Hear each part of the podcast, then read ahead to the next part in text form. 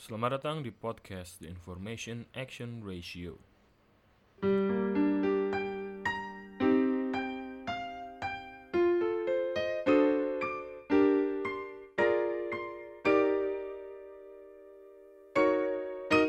Selamat datang di episode kedua The Information Action Ratio.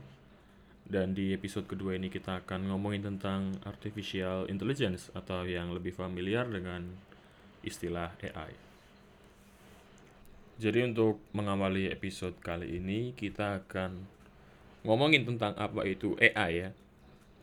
Jadi pada dasarnya artificial intelligence atau AI ini merupakan sebuah um, kemampuan ya, kemampuan atau semacam potensi yang dimiliki oleh uh, mesin atau robot untuk memutuskan sesuatu, memecahkan masalah. Secara sim simpelnya seperti itu mungkin ya. Dan ada banyak banget um, kembangan dari AI ini. Contohnya seperti mobil robot yang dikembangkan oleh Google atau Tesla. Dan ada banyak banget AI yang di HP-HP kalian semua itu merupakan salah satu bentuk daripada AI semacam seperti um, personal assistant kayak Google Assistant, Siri atau Alexa.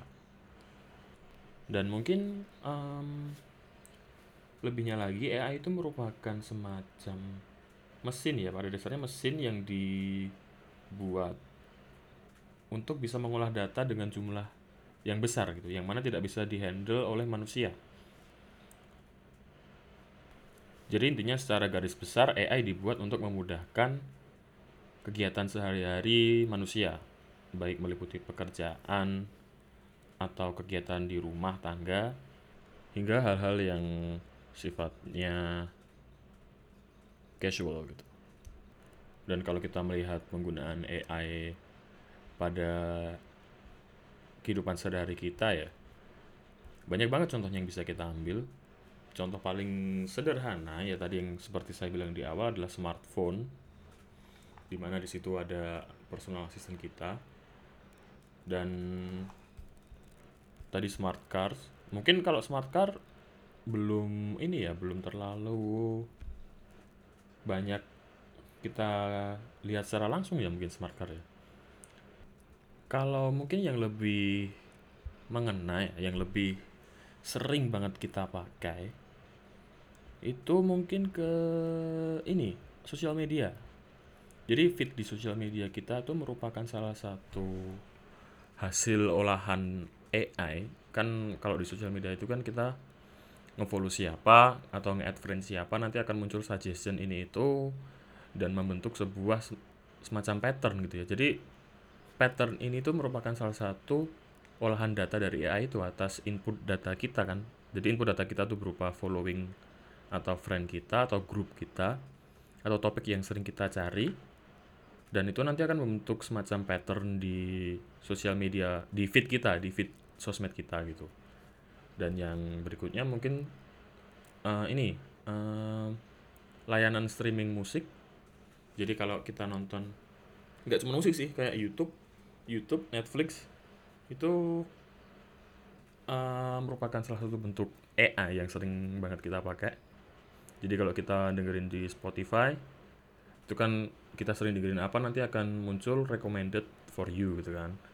Terus di Netflix juga sama dan YouTube juga sama jadi konsepnya sama seperti sosial media feed tadi. Apa yang sering kita buka akan muncul di halaman rekomendasi gitu. Input kita adalah video yang kita tonton tadi. Dan menurut saya di era yang mana sangat mengedepankan kemudahan akses, AI ini sangat mempermudah kehidupan kita. Jadi kita bisa tahu banyak hal, kita dimudahkan oleh AI, dan ya kehidupan sehari-hari kita nggak pernah bisa lepas dari smartphone tadi kan.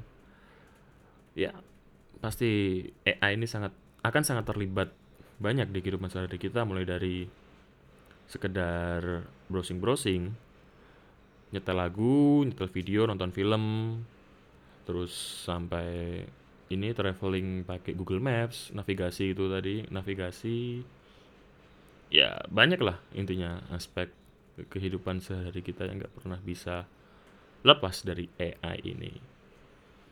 Nah tapi tapi tapi gini, dari input data kita yang udah pernah kita masukkan atau kita input, itu kan nantinya akan membentuk sebuah pattern ya.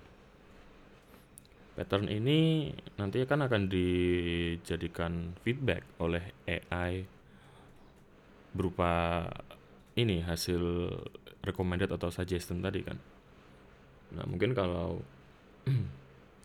kalau untuk hal-hal yang sifatnya seperti hiburan mungkin kayak musik kayak film mungkin itu akan sangat membantu untuk kita akan sangat mempermudah hal yang convenient tadi.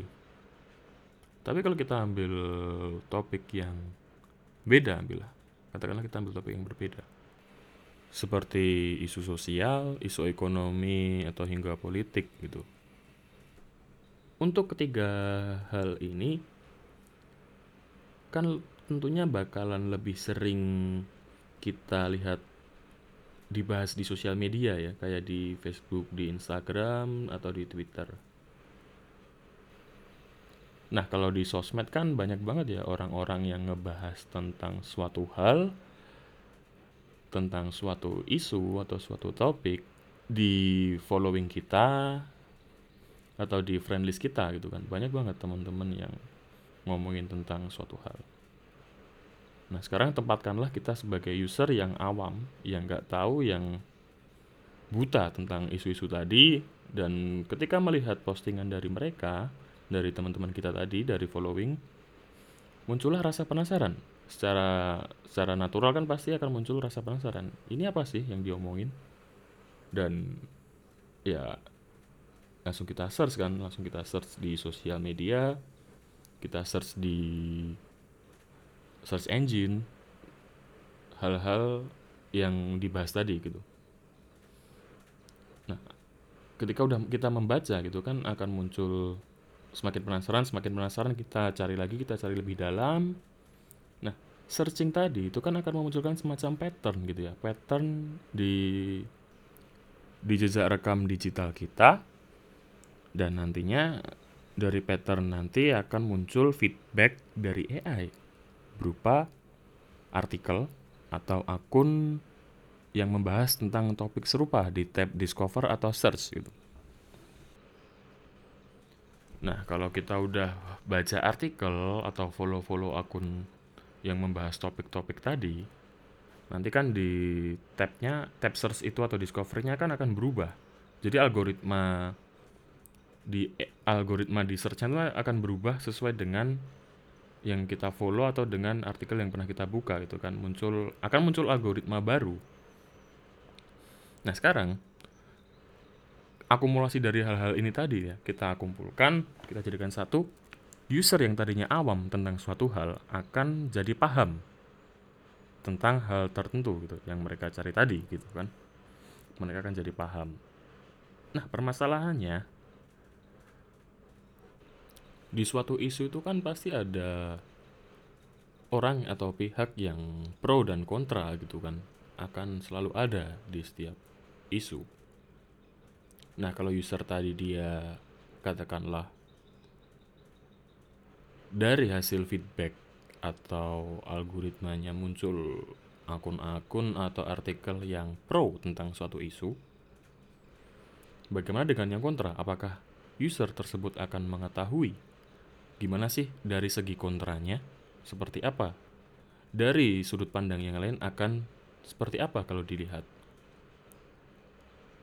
bukannya nantinya malah akan cenderung memunculkan suatu semacam bias gitu ya bias terhadap suatu topik atau isu kalau dari feedback atau algoritmanya tadi muncul yang pro saja tentu kan akan sangat bias ya tentunya ya kalau user cuma tahu dari satu sudut pandang aja.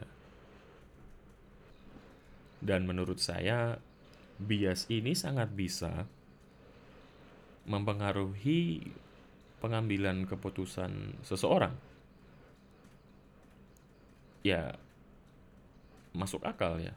Karena semakin orang condong ke suatu hal atau tendensinya mengarah ke satu um, pihak yang pro atau kontra nantinya ketika dihadapkan dengan situasi atau kondisi yang mengharuskan user tersebut mengambil keputusan dia pasti akan mengarah ke biasnya dia tadi gitu.